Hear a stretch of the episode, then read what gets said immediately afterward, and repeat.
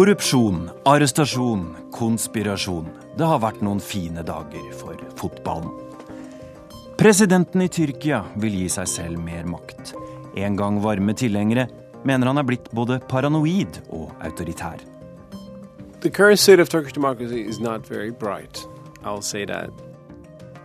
14 år gammel satte ei jente seg i et radiostudio i Guinea-Bissau for å snakke høyt om ting ingen andre ville snakke om. Og av og til må det nye valg til i ekteskapet. Vi løfter på dynene hos et familiedynasti i det europeiske sosialdemokrati. Velkommen til Urix på lørdag på radio i en snau time med utenriksredaksjonen og med meg, Tore Moland. Thank you so much that you are here. The interest for following this wonderful day today. It was a big congress, and we have the same president. I'm a happy man. Thank you. Takk for at dere kom. Det har vært en flott dag. Vi har fortsatt den samme presidenten, og jeg er en glad mann. Det er hva Sepp Blatter hadde å si etter å ha blitt gjenvalgt som president i det internasjonale fotballforbundet Fifa i går kveld. Arrestasjoner, korrupsjonsanklager, konspirasjonsteorier og maktkamp kontinenter imellom. Det må ha vært noen fine dager for fotballen. Nå i formiddag skal Sepp Blatter holde pressekonferanse i Zürich. Og korrespondent Guri Nordstrøm, du er med oss derfra. Hvordan kommer fotballpresidenten til å bli tatt imot, tror du? Ja, Han kommer i hvert fall til å bli tatt imot av enormt mange journalister. Her er det delvis kaos. Dette er jo tydeligvis en sak som engasjerer hele verden. Så her er det journalister fra alle kontinenter som er veldig spente på hva Blatter kommer til å si nå om en snau halvtime. Det vakte reaksjoner at han antydet at disse korrupsjonsavsløringene denne uka kom for å svekke hans egne sjanser for å bli gjenvalgt? Ja, absolutt. Altså, Uefa har jo etter gjenvalget i går luftet ideen om at de ønsker å boikotte fotball-VM, uten at de har konkludert med det. Presidenten til Uefa, altså det europeiske fotballforbundet, Platini, sier at han er stolt over at de har vært så tydelige at de ønsker en forandring, og at de, ønsker, at de støttet prins Alis kandidatur, altså han som da tapte mot Blatter i går kveld. Og lederen for det irske fotballforbundet, John Delani, sier at dette er bare starten på slutten for Blatter, og at han ikke kan se for seg at han kommer til å sitte ut hele denne nye fireårsperioden. Det samme sa for øvrig Norges fotballpresident Yngve Hallén da jeg snakket med han etter valget i går. Så europaleiren var helt tydelig veldig skuffet. Og så er det jo kontinenter og forbund som står steilt mot hverandre. Grovt sett så kan vi si at Europa, Australia og Nord-Amerika er imot Blatter, og Afrika og Asia og Latin-Amerika er, er for. Hvorfor er det sånn? Og faller hele internasjonale fotballsamarbeidet fra hverandre nå? Det er det som blir veldig interessant å se, for det er som du sier et helt klart tydelig skille her mellom nord og, nord og sør, hvem man uh, støtter. Samtidig så har jo også Uefa, eller fraksjoner i Uefa sagt at uh, vi ønsker å, å, stille oss bak en fellesskapsløsning, og det som er riktig for oss er kanskje ikke riktig for det afrikanske og det asiatiske fotballforbundet. Så har vært sendt ulike signaler på det, men rett etter valget i går så var skuffelsen absolutt stor blant nordamerikanerne og da Europa. Mens Asia og Afrika eh, har støttet Blatter hele veien og vært tydelig på det. Og det har nok også noe med at eh, han som Fifa-president har gitt en rekke sørget for en rekke pengeoverføringer til alle land og behandlet på en måte alle, alle likt. sånn sett.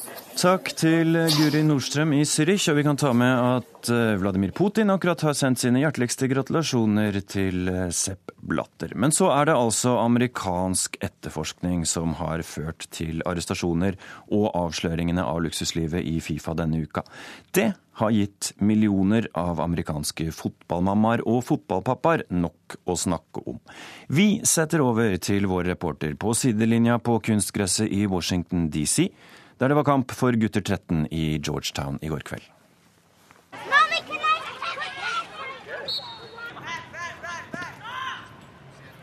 Første omgang er i ferd med å ta seg opp på kunstgresset i Georgetown. 22, 13 og 14-åringer i rødt og burgunder løper etter ballen i den hete maikvelden. På en glissen tribune følger mødrene deres med med et halvt øye. De har noe annet å snakke om i dag. Yeah, yeah, it was in Trump Tower. Did you hear it's like a six thousand dollar month apartment just for his cats? Fifa-toppen som leide leilighet til katten sin, f.eks.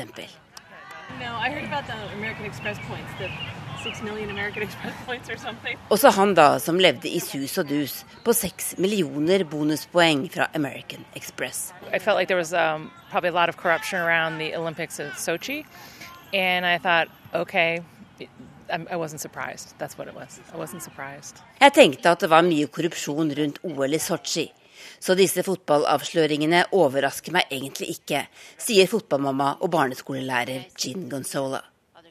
Fotballinteressen hennes har økt i takt med den til hennes 13 år gamle sønn. Um, I think with kids playing, it's pretty intense. Um, I work at an elementary school, um, and I would say that it's pretty big there in terms of watching it. The, the most serious charges in the indictment now are the racketeering charges, and those are the charges that these defendants took the soccer enterprise and turned it into a criminal enterprise. Justisminister Loretta Lynch sjokkerte Europa og resten av verden på onsdag, selv om få var overrasket over at Fifa er korrupt. Nå jobber USA for å få de som ble arrestert i Zürich, utlevert så snart som mulig. The next step in that process is for the defendants to come to the U.S. to face those charges. The maximum sentence for that is a 20-year jail sentence. De alvorligste forbrytelsene Fifa-toppene er siktet for, har en strafferamme på 20 års fengsel her. Og Lunch og kollegene hennes har lovet at de har mer på lager. Og at resten av Fifa-ledelsen ikke sitter trygt. So disappointed that Seth Blatter got re-election. Um, I think the, it's lo- the long overdue that they're uncovering some of the corruption. Um, unfortunately, with Blatter still in charge, it's not clear where it goes from here. Jeg er virkelig skuffet over at Blatter ble gjenvalgt, sier Sean Green. Fotballpappaen har med seg to sønner til gressmatta i Washington DC. Familien følger begivenhetene i Sveits tett. Now, why is it that the U.S. had to do this versus somebody else? I don't know. Switzerland clearly played a very active role. Oh! Oh! Sorry. yeah. And a great goal. It hit the crossbar and then dropped it. Hva som vil skje videre nå som Sepp Blatter blir sittende, er også amerikanerne uenige om. Det kan bli avgjørende hva Fifas store sponsorer, som Visa, Coca-Cola og Adidas, gjør. You could put the World Cup on the moon, and the amount of eyeballs watching the World Cup would not change. Til radioprogrammet Marketplace sier sportsmarkedsfører Rob Prassmark at han tror disse store selskapene vil forsøke å presse Fifa til å rydde i eget hus. The sponsors will either walk away or find a way to sue them, or they'll just let their contracts expire. Ellers vil de saksøke eller la sponsoravtalene sine utløpe, mener han. På matta i Georgetown har Sean Green ikke noen tro på at Uefa vil gjøre alvor av sine trusler om å boikotte fotball-VM. Realistically, I don't think that's going to happen. Sean Green til Tove Bjørgaas i Washington. Gamle menn med fine vaner og helt uten ryggrad. Slik framstår Det internasjonale fotballforbundet Fifa. Hvordan er det mulig å få til en slik pampekultur? Undrer kollega Anette Groth. Vladimir Putin skulle møte den amerikanske Fifa-toppen Chuck Blazer. Da den omfangsrike og skjeggete Blazer kom inn i rommet, sa Putin Å, du ligner på Karl Marx. Hva Blazer syntes om sammenligningen, forteller ikke historien noe om, men uansett hva du synes om Karl Marx, sammenligningen er nok urettferdig. Fotballpampen Chuck Blazer er korrupt, løgnaktig og ikke minst grådig. Han har to luksusleiligheter i det rådyre Trump Tower i New York. En til seg selv og en til kattene. Pluss flere feriehus og en livsstil på første klasse. I 17 år satt han i styret i Det internasjonale fotballforbundet, og skrøt av sine og forbundets meritter. I think that uh, FIFA is doing a really excellent job of uh, promoting football around the world.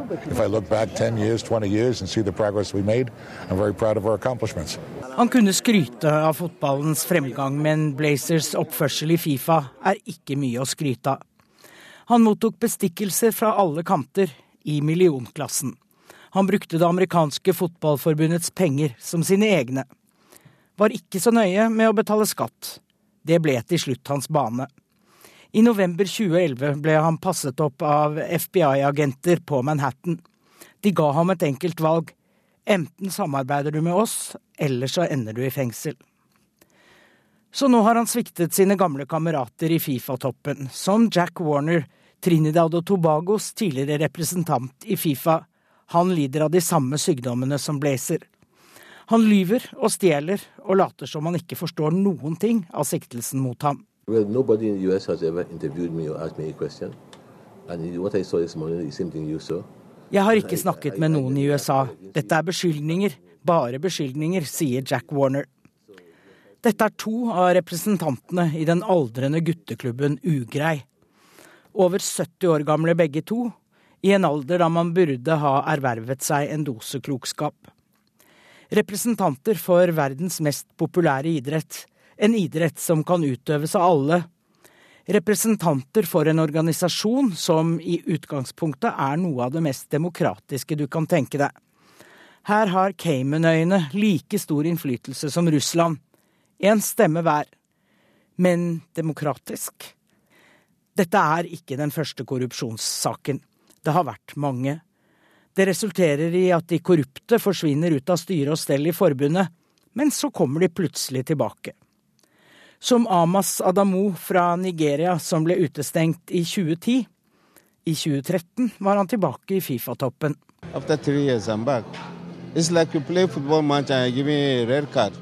Det er som i fotballkampene. Der får du rødt kort, men kommer tilbake etter å ha stått over noen kamper, sier nigerianske Amos Adamo med den største selvfølgelighet. Hvordan er det mulig? Hvordan har så mange kunnet slippe unna? Og hvordan har mannen som i 17 år har vært president her, sluppet unna med å vri seg unna? I do not answer this question, and I ask you for understanding. So sorry, but I'm the president of FIFA. You can ask question on me, my person. Sepp Blatter slipper stadig unna. Men denne uken har vist oss Fifas stygge ansikt. Har vist oss menneskers verste sider. Det har vært en utvikling over tid. Det internasjonale fotballforbundet er over 110 år gammelt. Men kanskje har utviklingen en parallell til Chuck Blazer, mannen som startet denne historien. I 1979 var han en slank såkalt soccer dad til en seksåring som spilte fotball med pappa på sidelinjen. Nå er han en mann på 200 kilo som blir husket for sin grenseløse grådighet.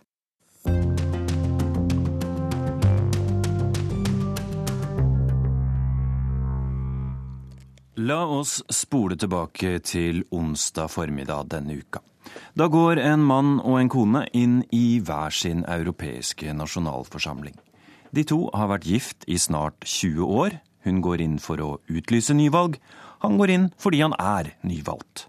Urix på lørdag tar en nærmere titt på Danmarks statsminister Helle Thorning-Schmidt og hennes britiske ektemann Stephen Kinnock, en mann som for så vidt er vant til å leve litt i skyggen av resten av familien.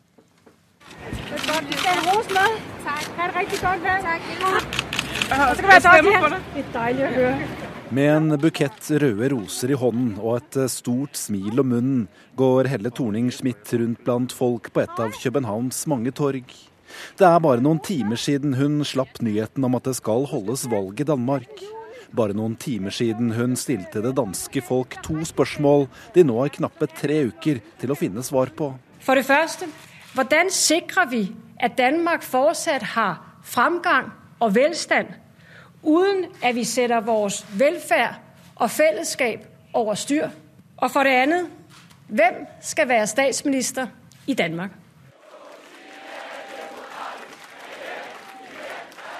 Det er gått fire år siden ekstatiske partivenner hyllet landets første kvinnelige statsminister. Kjære partifeller!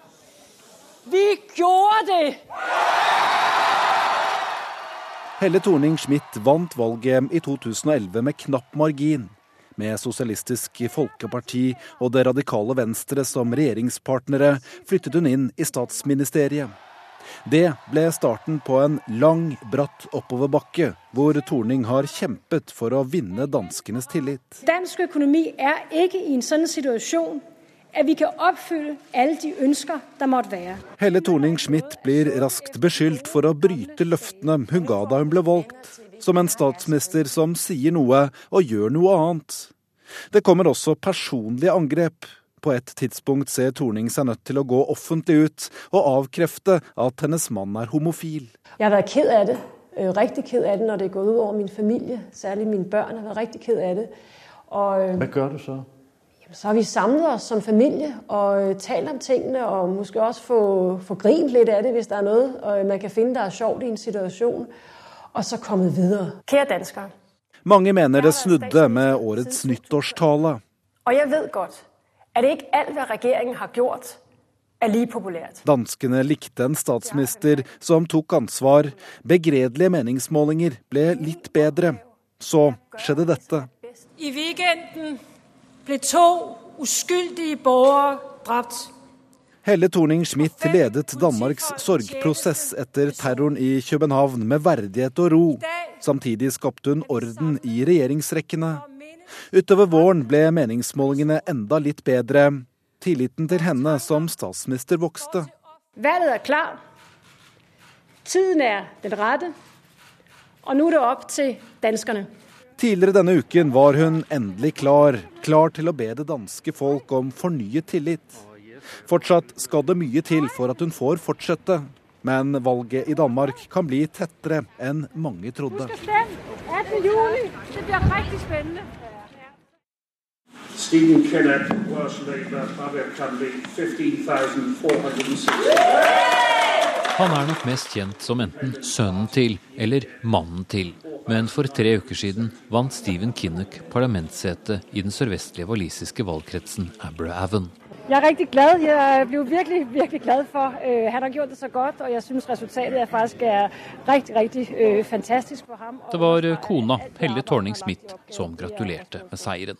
Det er henne han har vært mannen til de siste 19 årene, enten det har handlet om beskyldninger i tabloidpressen om skatteunndragelser, eller hvorvidt han egentlig var homofil. Skattemyndighetene frifant ham for det første, kona avviste det andre. Før det var han sønnen til, først og fremst Neil Kinnock, men også til Glennis Kinnock. Begge foreldrene er kjente britiske politikere. Men faren mest kjent. Han tapte fire valg på rad som leder for det britiske arbeiderpartiet Labour. Siste gangen var i 1992, skjønt under selve valgkampen tok han meningsmålingene for gitt og trodde en seier var rett rundt hjørnet.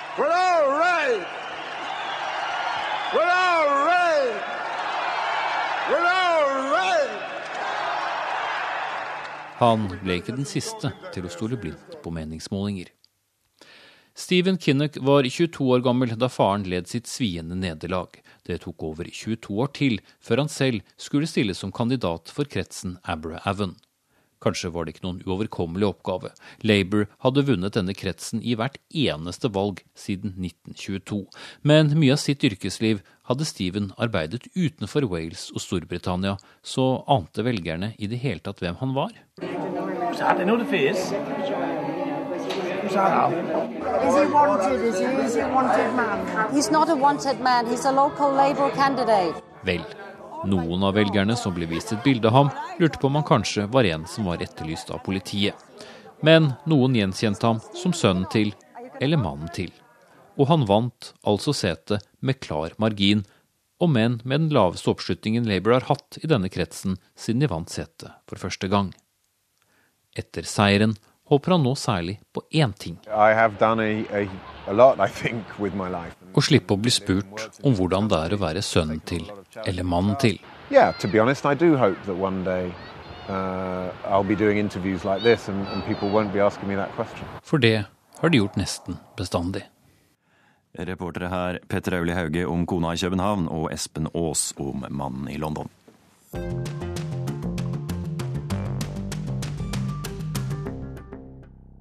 Så skal vi til Guinea-Bissau og møte Saro Ayram. Da hun var 14, satte hun seg i et studio for å lage et radioprogram, og i dag, sju år seinere, er hun stjerne. Men barneradioen hennes består ikke av morsomme rim og regler og spennende hørespill, for i Guinea-Bissau er virkeligheten dramatisk nok. Tom Christiansen har møtt henne. Vi vil bli som deg, sier tenåringsjentene i hovedstaden Bissau. Landet er lutfattig og vanstyrt, men ungdommen er i flertall. De er ikke på internett, men de har radioen på. Det er der de hører på henne som de vil ligne. Her er hun. Ora viva não mantenha de muito boa tarde, na para tudo ouvintes de rádio jovem, em especial a tudo aqueles que está sintonizado com nós nesse momento. Calendário nacional a 7 dias de mês de março do ano Hei og velkommen til sendinga, sier Saro på lokal dialekt. Her skal det bli kunnskap, og i dag skal vi snakke om utdanning. Går dere på skolen? Og hvis ikke, hvorfor? Uh, normalmente, a primeira vez eu fui assistir para ver como se faz, como é que se apresenta. Sara var 14 og skulle være med i et radioprogram. Hun ble fascinert av all teknikken og mirakelet, at det de sa nådde ut til alle langt unna. Så lette hun etter informasjon som hun ville dele, og radioledelsen ga henne sendetid. Men hun ville ikke snakke om barnslige ting, så hun samlet kunnskap om omskjæring av jenter, tvangsekteskap, mishandling, barns rettigheter, barnearbeid. Og hun sa dette er vel for barn. Det er dem jeg vil snakke om. Hun snakket og snakket, og fikk andre med i debatter for og imot.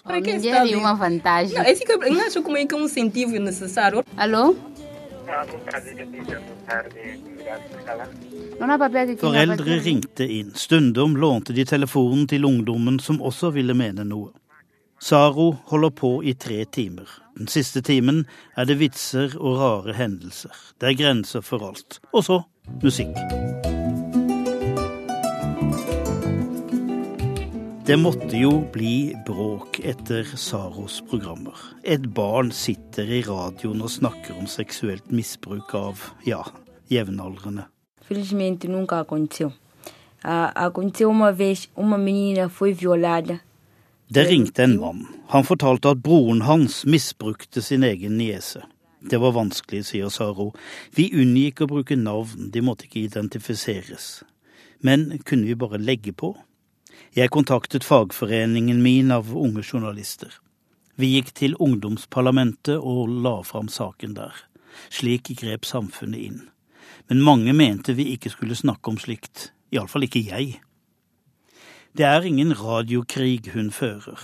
Saro har alle meninger representert, også når hun snakker om omskjæring av jenter.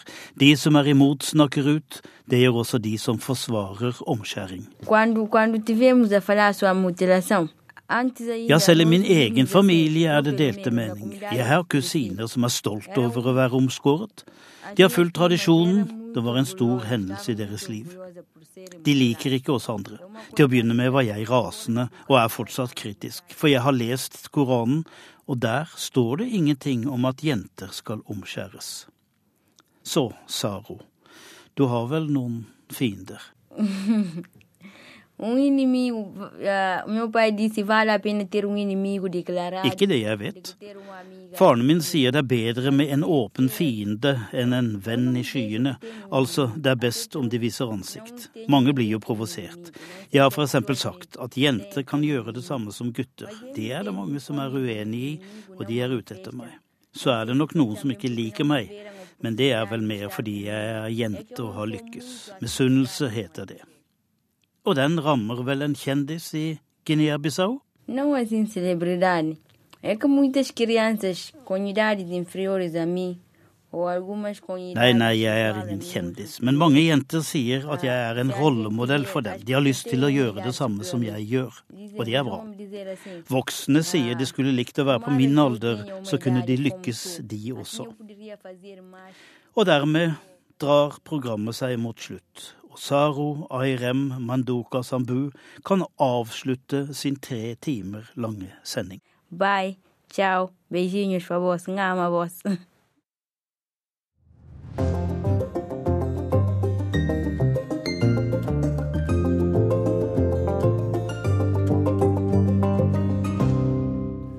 Men vår timelange sending den fortsetter. Neste helg er det valg i Tyrkia. Et valg som landets sterke mann Recep Tayyip Erdogan håper skal gi hans parti full kontroll over nasjonalforsamlingen, og ham selv nye og utvidede fullmakter som president. Men valget blir veldig spennende, for et nytt kurdiskvennlig parti kan klare å komme seg over den skyhøye sperregrensa i Tyrkia og stikke kjepper i hjulene. Nå ser president Erdogan plutselig nye fiender, både hjemme og ute, forteller kollega Wenche Eriksen.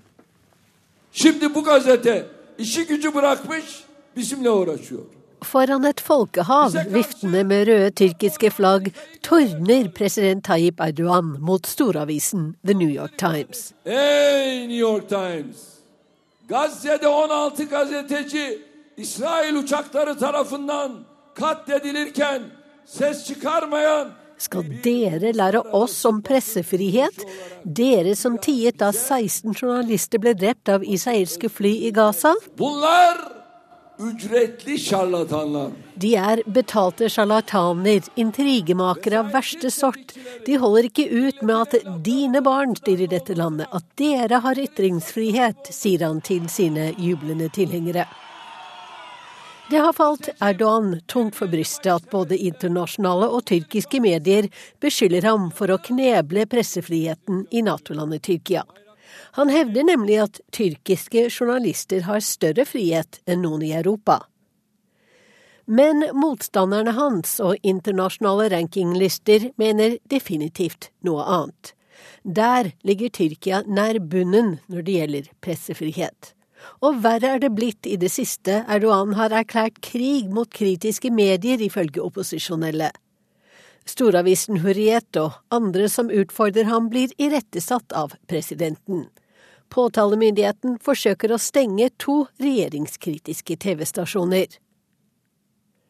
Erdogans tirade mot The New York Times kom på en av mange opptredener i en valgkamp han ifølge Grunnloven ikke skal delta i for som statsoverhode skal presidenten være partipolitisk nøytral.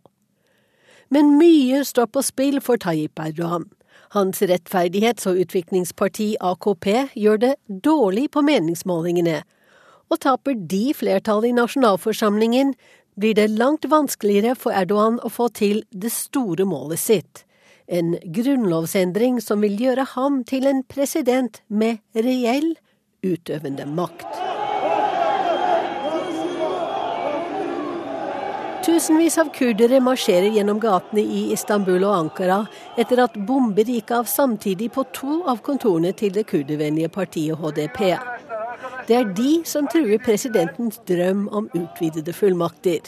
De kan få opptil 50 av AKPs nåværende mandater. Sebebi, eh, HDP'nin barajı aşabileceği de som står bak bombeeksplosjonene tåler ikke tanken på at HDP kan komme over sperregrensen på 10% ja kanskje til og med få 15% av stemmene, mener en av demonstrantene. Ingen andre kan ha gjort dette. Det er et angrep utført av AKP, Tayyip Erdogan og deres tilhengere, sier Nihat Batur.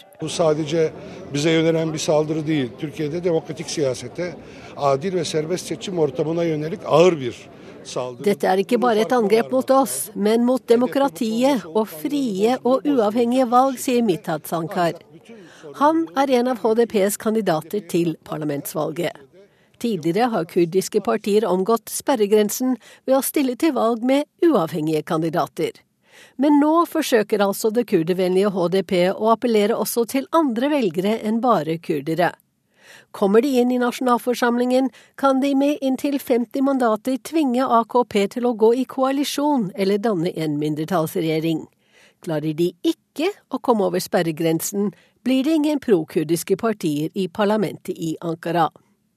Det står altså mye på spill for andre enn bare president Tayyip Erdogan. Erdogans personality is inherently authoritarian.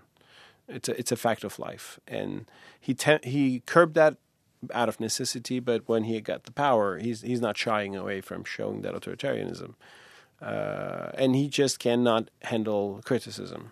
Erdogan har en autoritær personlighet, og han tåler ikke kritikk. Sånn er det bare, sier Mustafa Akiol. Forfatteren og kommentatoren skriver for sikkerhets skyld for Hurriet og New York Times.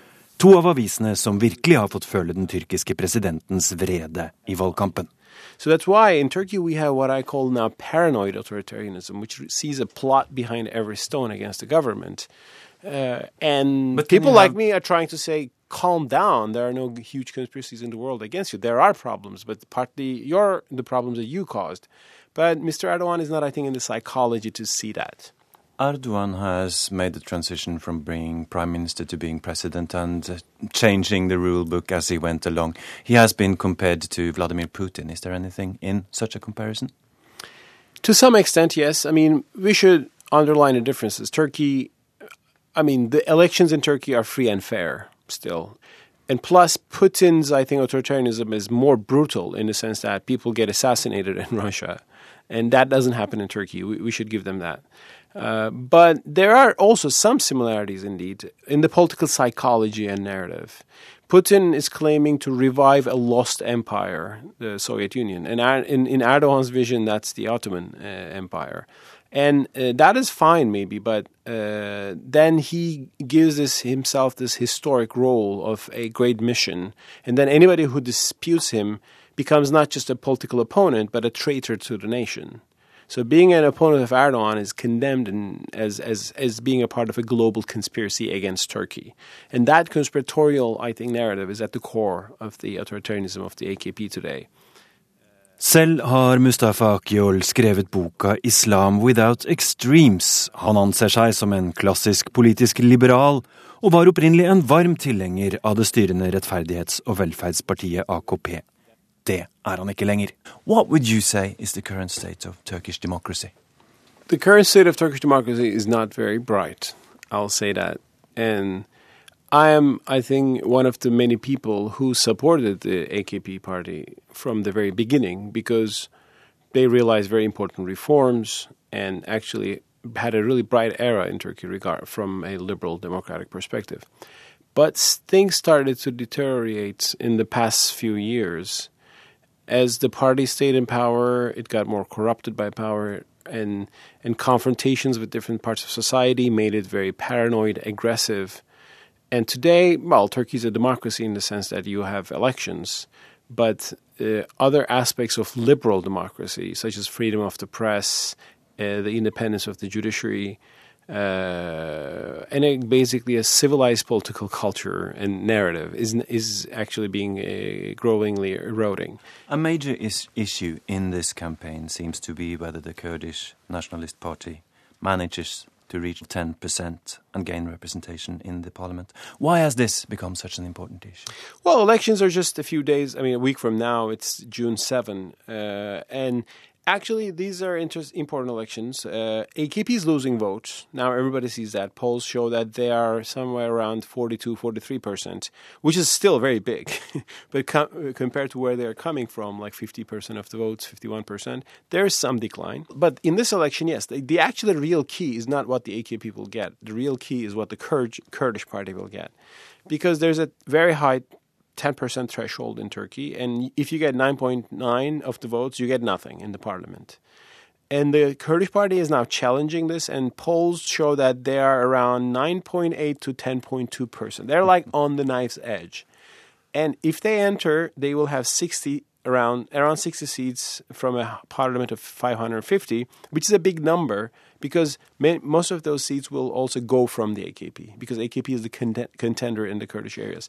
That's why in Turkey people are curious now what the AKP will get, but they're even more curious about whether the Kurds will enter the parliament. And that's why a lot of liberals uh, who did not vote for the party before, actually thinking that maybe we should vote for them this time because they should be in the parliament. Otherwise, Turkey will uh, be in more trouble. Yes, you yourself, as a former AKP supporter, has even said that you'd consider voting for the Kurdish party this time around. Yeah, I I'm, I haven't made up my mind yet, but I think it is likely that when I go to ballots uh, next week, uh, I will probably vote for them. Not for because- tactical reasons. For tactical reasons, not because I endorse the ethnic Kurdish nationalism that I see in the party, and I see some militancy there as well still.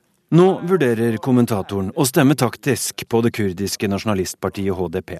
Både for å få dem over sperregrensa, og for å hindre at Erdogan får bukta og begge endene. Tyrkias rolle som ledestjerne for arabiske land som vil kombinere islam og demokrati, og AK-partiets image som en slags muslimsk variant av europeiske kristeligdemokrater, er begge deler skuslet bort, mener Mustafa Akyol. It didn't have to be this way, AKP really gets out of this current authoritarian paranoia again, we can still consider the party as a success, but I don't want to trash out everything they have done in the past 13 years. But yeah, we lost that edge. I think today Tunisia is a model. Tunisian Islamists. But they looked to Turkey initially. They looked to Turkey initially, but they've done a much better job uh, of uh, having a consensus with the secularists of that country, agreeing on a very liberal constitution, the best in the whole Muslim world, and, and drafting it together. Uh, and forming this idea of a united Tunisia uh, with respect and rights for everybody. We have not been able to do that in Turkey. And uh, again, like, of course, if you want Islam in politics, you would prefer to be like AKP rather than a violent, you know, very like dictatorial force out there. But I, uh, I had better hopes. I had better hopes that it would. It has not become what Christian Democrats in Europe are today. Det sa Mustafa Akyol, som var her i Urix-studio litt tidligere denne uka, da han gjesta Oslo Freedom Forum. Nå skal vi videre til Istanbul, der vi aller først skal klippe en snor og åpne et kontor, for fra i dag har NRK-korrespondent også i Tyrkia. Og det er deg, Kristin Solberg. Gratulerer. Jo, takk. Rett inn i valgkampinnspurten. Hvilket inntrykk har du fått? Dette er et valg som er eh, mer uforutsigbart enn på lenge i Tyrkia. Det er mange som er spente på hvilken vei det kommer til å gå. Og for mange tyrkere så er det store ting som står på spill. For selv om det er slik at eh, AKP høyst sannsynlig vinner, eh, det har de gjort helt siden 2002, så er det vanskelig å spå om de får nok stemmer til å gjennomføre disse grunnlovsendringene de ønsker seg. Og Det er tema som i stor grad har dominert valgkampen her. Mye mer enn den stagnerende økonomien eller den svekkede tyrkiske liren eller en arbeidsledighet som er på vei opp. Eh, for Erdogan og hans støttespillere så handler det om å få nok seter i parlamentet til å gjennomføre dette. Og for hans motstandere handler det om å få nok, eh, at han får såpass få at han ikke klarer å gjøre det. Eh, og I dag så er det slik at den tyrkiske presidenten eh, er en mer seremoniell figur. og Erdogan ønsker seg jo da et sterkt presidentsystem à la USA og Frankrike. Eh, for dem så handler det om et valg mellom det de kaller et stabilt og et ustabilt Tyrkia. Og, og velge et system som kan fremme Tyrkia som en verdensmakt, som Erdogan sier. Men for en hel del mennesker så er det en ganske skremmende tendens.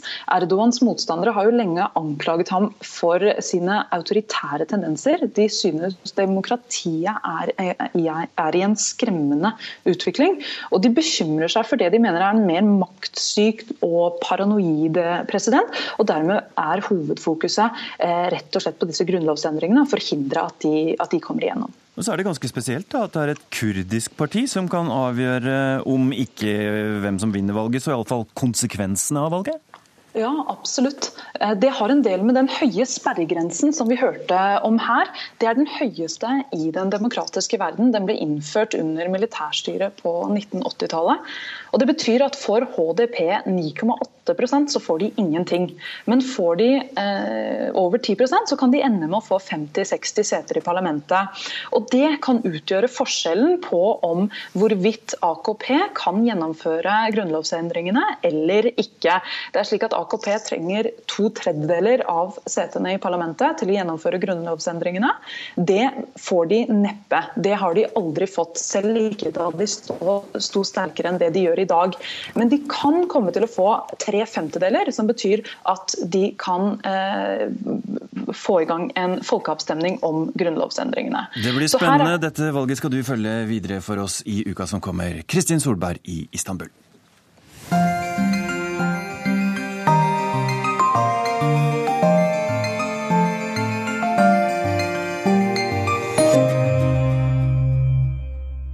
Hvordan er det egentlig å være kvinne i den katolske kirken? Pave Frans ønsker nå å styrke kvinnens stilling i samfunnet, og er i gang med en global satsing på likestilling. Men kritikerne mener det er liten vilje til å gi kvinner reell innflytelse, ikke minst i kirken selv. Arnt Stefansen har sendt oss denne reportasjen fra Roma.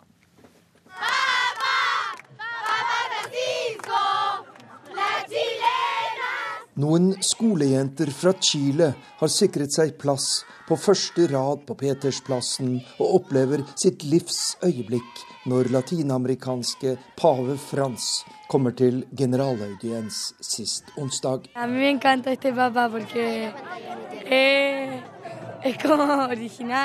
Jeg liker denne paven fordi han er annerledes og snakker et språk som vi alle forstår, sier den 13 år gamle Josefina Carvalho fra Santiago de Chile.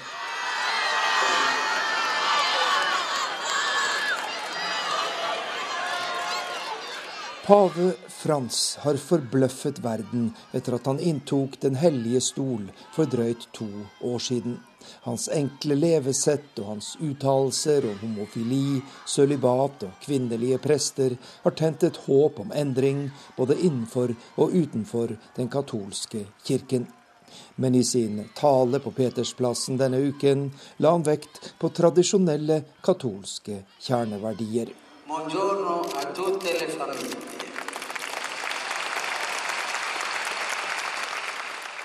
Jeg ønsker alle de fremmøtte familiene en god dag, sier paven, og advarer mot å svekke kjernefamilien som basis for samfunnet.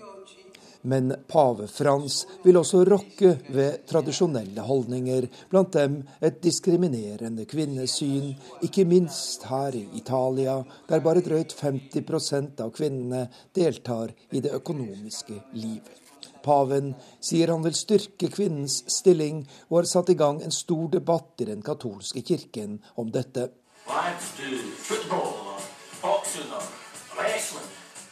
Jeg er på et seminar om kvinnepolitikk her i Roma. Det er det katolske Institutt for høyere kvinnestudier som står bak, og blant deltakerne er flere prestestudenter som får studiepoeng for å delta i seminaret. Seminarets leder, kvinneforskeren Ignacia Satta, mener at pavens initiativ kan få stor betydning for kvinners stilling. Men hennes syn på kvinnefrigjøring vil de fleste norske kvinner være uenige i. Siamo arrivati a un punto in cui però si dimentica un po' il femminile, cioè la tendenza è stata quella di eguagliare le donne agli uomini. Vi er kommet til et punkt der vi har glemt vår kvinnelighet, Kvinner og menn er ikke like, selv om mange feminister synes å oppfatte det slik. Og en slik oppfatning fører til at både kvinner og menn mister noe. Prinsippet om likhet mellom kjønnene er riktig når det gjelder adgang til arbeidsmarkedet f.eks., men å bruke det på alle områder er galt, fordi Gud har skapt oss forskjellig, sier forskeren. Eh.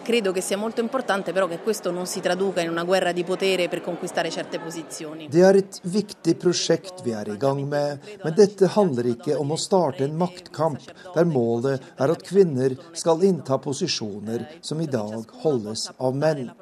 For å si det som det er, så er det ikke viktig for meg at kvinner må bli prester og lede gudstjenester. Det dette prosjektet handler om, er å opprette en gjensidig respekt mellom kvinner og menn, sier kvinneforskeren Ignatia Satta.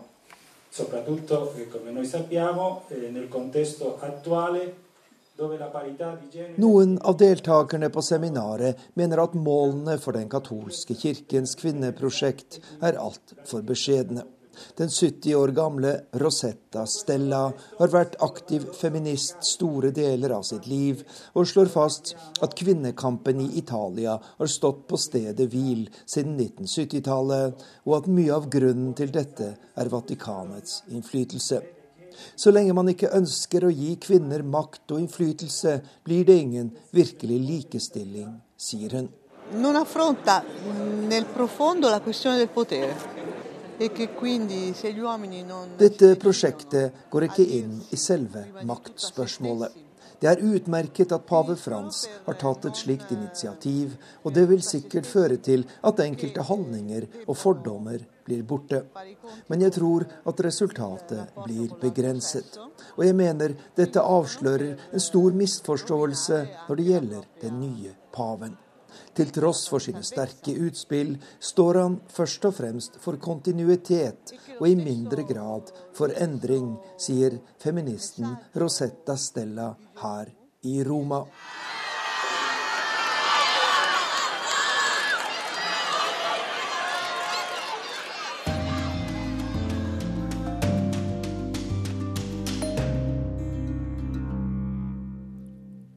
Har vi kommet fram til ukas korrespondentbrev, som kommer fra et sommerhett Kairo og fra en febervarm korrespondent, Sigurd Falkenberg Mikkelsen. Det er 44 varmegrader her i Kairo når jeg skriver dette. I hvert fall var det det de lovet på værmeldingen. Jeg vet ikke sikkert hvor varmt det egentlig er. Jeg har ikke vært utenfor døren på et par dager. Men når jeg nærmer meg vinduene, kan jeg kjenne en farlig varmesone som mur og glass og aircondition ikke klarer å holde unna. Selv er jeg sengeliggende med tett nese, tette bihuler og tette øreganger, derav også den noe nasale diksjonen på dette korrespondentbrevet. Kanskje klarte ikke kroppen min overgangen mellom de ti gradene og regn det var da vi forlot Norge forrige helg.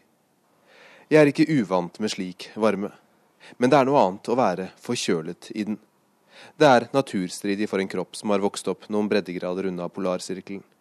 Det skaper en instinktiv fremmedgjøring det ikke går an å kjempe mot, en følelse av å være langt unna sitt naturlige habitat. Denne avstanden kjente jeg også på, om enn på en helt annen måte i 17. mai-helgen. Vi var på besøk hos slektninger i Norge og forberedte barnetog, grunnlovsfeiringer, taler, is og pølse og alt som hører til denne særegne nasjonal- konstitusjonelle feiringen i det nyheten om at Mohammed Morsi fra Det muslimske brorskapet, Egypts tidligere lovlig valgte president, var dømt til døden. Det skapte store overskrifter internasjonalt, men langt mindre støy her i Egypt. Det var ingen unntakstilstand som ventet da jeg kom tilbake, ingen gateprotester eller sympatistreiker fra de 52% av befolkningen som stemte på ham i siste runde i presidentvalget i Egypts første frie valg.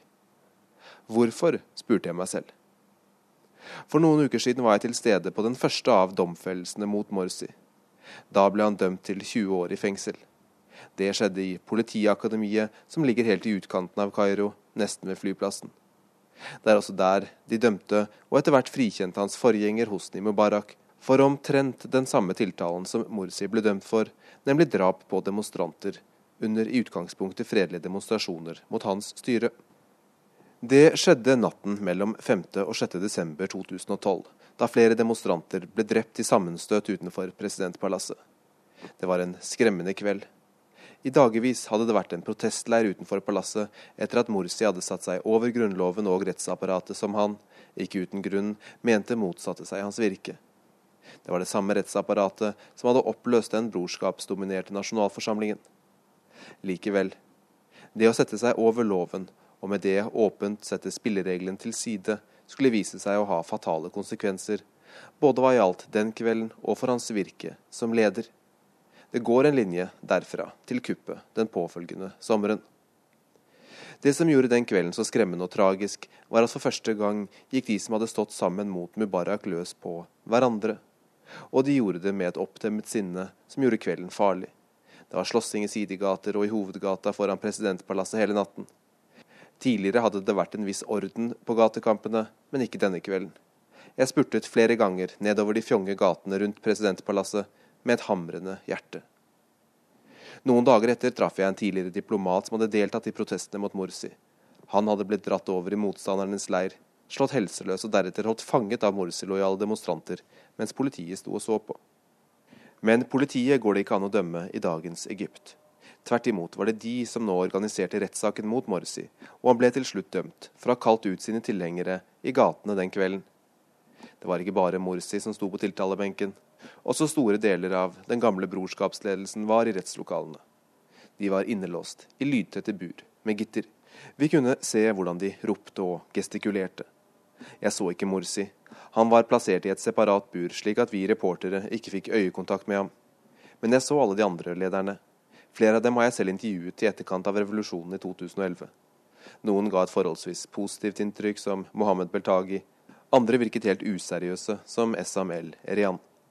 Jeg har ikke sett domstolen legge fram åpenbare bevis for at Morsi og disse lederne var direkte knyttet til voldshandlingene den kvelden, og det skjedde i en periode med mye politisk vold, men dømt ble de, og i 17. mai-helgen kom altså dødsdommen. Denne gangen for å ha brutt seg ut av et fengsel under revolusjonen i 2011, i en tid da alle statsinstitusjoner kollapset. Det hele lyder absurd, og jeg må innrømme at jeg ofte synes det er vanskelig å forklare og forstå alt som skjer, i hvert fall gi det de riktige nyansene og få fram de mange forbindelseslinjene. Vi er åpenbart inne i det tøffeste oppgjøret mellom Det muslimske brorskap og den egyptiske staten og dennes elite siden uavhengigheten i 1952. Samtidig raser kriger i fire land i Midtøsten, og på Sinai-halvøya er Egypts militære i åpen krig mot islamistiske grupper, en av dem tilknyttet den islamske staten IS. Her gjelder ikke rettsprinsippet lenger, men overlevelse. I mangel av noe bedre får det hele meg til å tenke på noe den amerikanske journalisten og forfatteren Hunter S. Thompson en gang sa i et intervju. Han var ingen Midtøsten-ekspert. Tvert imot, hans domene var USA og psykedelisk dop. Men han forsto seg på realpolitiske maktforhold, og sa at forskjellen på de gale og normale var at de normale hadde makt til å sperre de gale inne. Jeg sto noen meter unna brorskapslederne da de fikk sine dommer. De svarte med å holde fire fingre opp, symbolet på Rabba-massakren, der rundt 1000 mennesker ble drept etter kuppet mot Morsi. De sto der med disse fire fingrene i været, og det var som å se folk fra en annen tid. For det Egypt de regjerte, er ikke lenger det samme. Og hvordan kunne det være det etter den verste massakren i Egypts moderne historie? Voldens konsekvenser er nådeløse, og den fortsetter sin ødeleggelse lenge etter at dåden er begått. I kjølvannet av dette er f.eks. aktivister fra andre politiske bevegelser, inkludert ungdomsbevegelsen 6.4, arrestert. Gatedemonstrasjoner møtes med politivold og fengselsstraffer, og i media herjer en voldsom nasjonalisme. Men det alene forklarer ikke hvorfor det ikke er mer sympati for brorskap etter disse dommene. Noe ble også ødelagt i perioden de styrte. De måtte vise at de var noe mer enn en hemmelighetsfull islamistgruppe som mange i bunn og grunn var redde for. De måtte vise at de var et statsbærende parti, et parti som var inkluderende og bevisste det historiske ansvaret de ble gitt etter valgseieren. Her mislykkes de gang etter gang, og det gjorde til slutt jobben for militære og krefter som ønsket å undergrave deres styre, ganske enkel. Det fellesskapet som ble skapt i de første ukene under revolusjonen i 2011, holdt ikke lenge. Og da det kom til den avgjørende konflikten, sto brorskapet alene. Og det gjør de fortsatt, så vidt jeg kan bedømme. Konsekvensene av denne egyptiske tragedien er vi vitne til over hele Midtøsten. Ikke det at Egypt har den innflytelsen det en gang hadde, men dersom regionens mest folkerike land hadde fått til noe som minnet om en demokratisk overgang og maktdeling mellom de forskjellige politiske kreftene, ville det pekt mot en mulig sorti for alle de andre landene som nå er i konflikt. I Libya, Syria, Jemen og Irak er det åpen krig. I de andre landene spør folk seg hva de nå har i vente. For det beste det ser ut til at det går an å håpe på, er at det etter hvert oppstår en ny maktbalanse som roer ned situasjonen. Men ingen vet helt hvordan den blir seende ut, og uansett, dit er det langt fram. På veien venter enda mer menneskelig lidelse. Nå er det mange her i Egypt som ser det hele gjennom dette prismet, og dermed som en kamp mot islamismen i en eller annen forstand. En konflikt som også går tilbake til etableringen av det moderne Egypt. Kanskje er det derfor de lukker øynene for de titusener av vanlige egyptere som er fengslet her i de siste årene, i tillegg til de mest profilerte lederne, som Morsi og de andre. Fanger som lever under uhyre tøffe forhold i sine overfylte celler, særlig nå som temperaturen for alvor har begynt å stige. Jeg tviler på at de har nytt godt av at strømmen faktisk ikke har gått her under denne hetebølgen. Det har den nemlig gjort, uavhengig av om landets leder heter Abdel Fattah al-Sisi eller Mohammed Morsi og den har alltid gjort det på sommeren. Da skrus airconditionanleggene opp, og forbruket er på sitt høyeste. Og som i en kollektiv forbruksavstraffelse har strømmen pleid å forsvinne. Og det har gjort sommerperiodene ulidelig varme. I tillegg til særs upraktiske, særlig hvis du står i heisen når strømbruddet kommer. I disse dagene har den holdt, etter sigende fordi den kraftkrevende industrien får mindre strøm, og fordi det norske selskapet Høg nylig begynte driften av et LNG-anlegg på skipet Høg Galant i havnebyen Ainsukna ved innløpet av Suezkanalen. Der transformeres flytende gass til vanlig gass, som igjen kan brukes til å lage strøm. Det internasjonale samfunn kikker bort eller mumler noen lett kritiske og konsekvensløse setninger når spørsmål om menneskerettighetsbrudd i Egypt kommer opp. De gjør det i stabilitetens navn. Spørsmålet er hvor lenge det vil vare.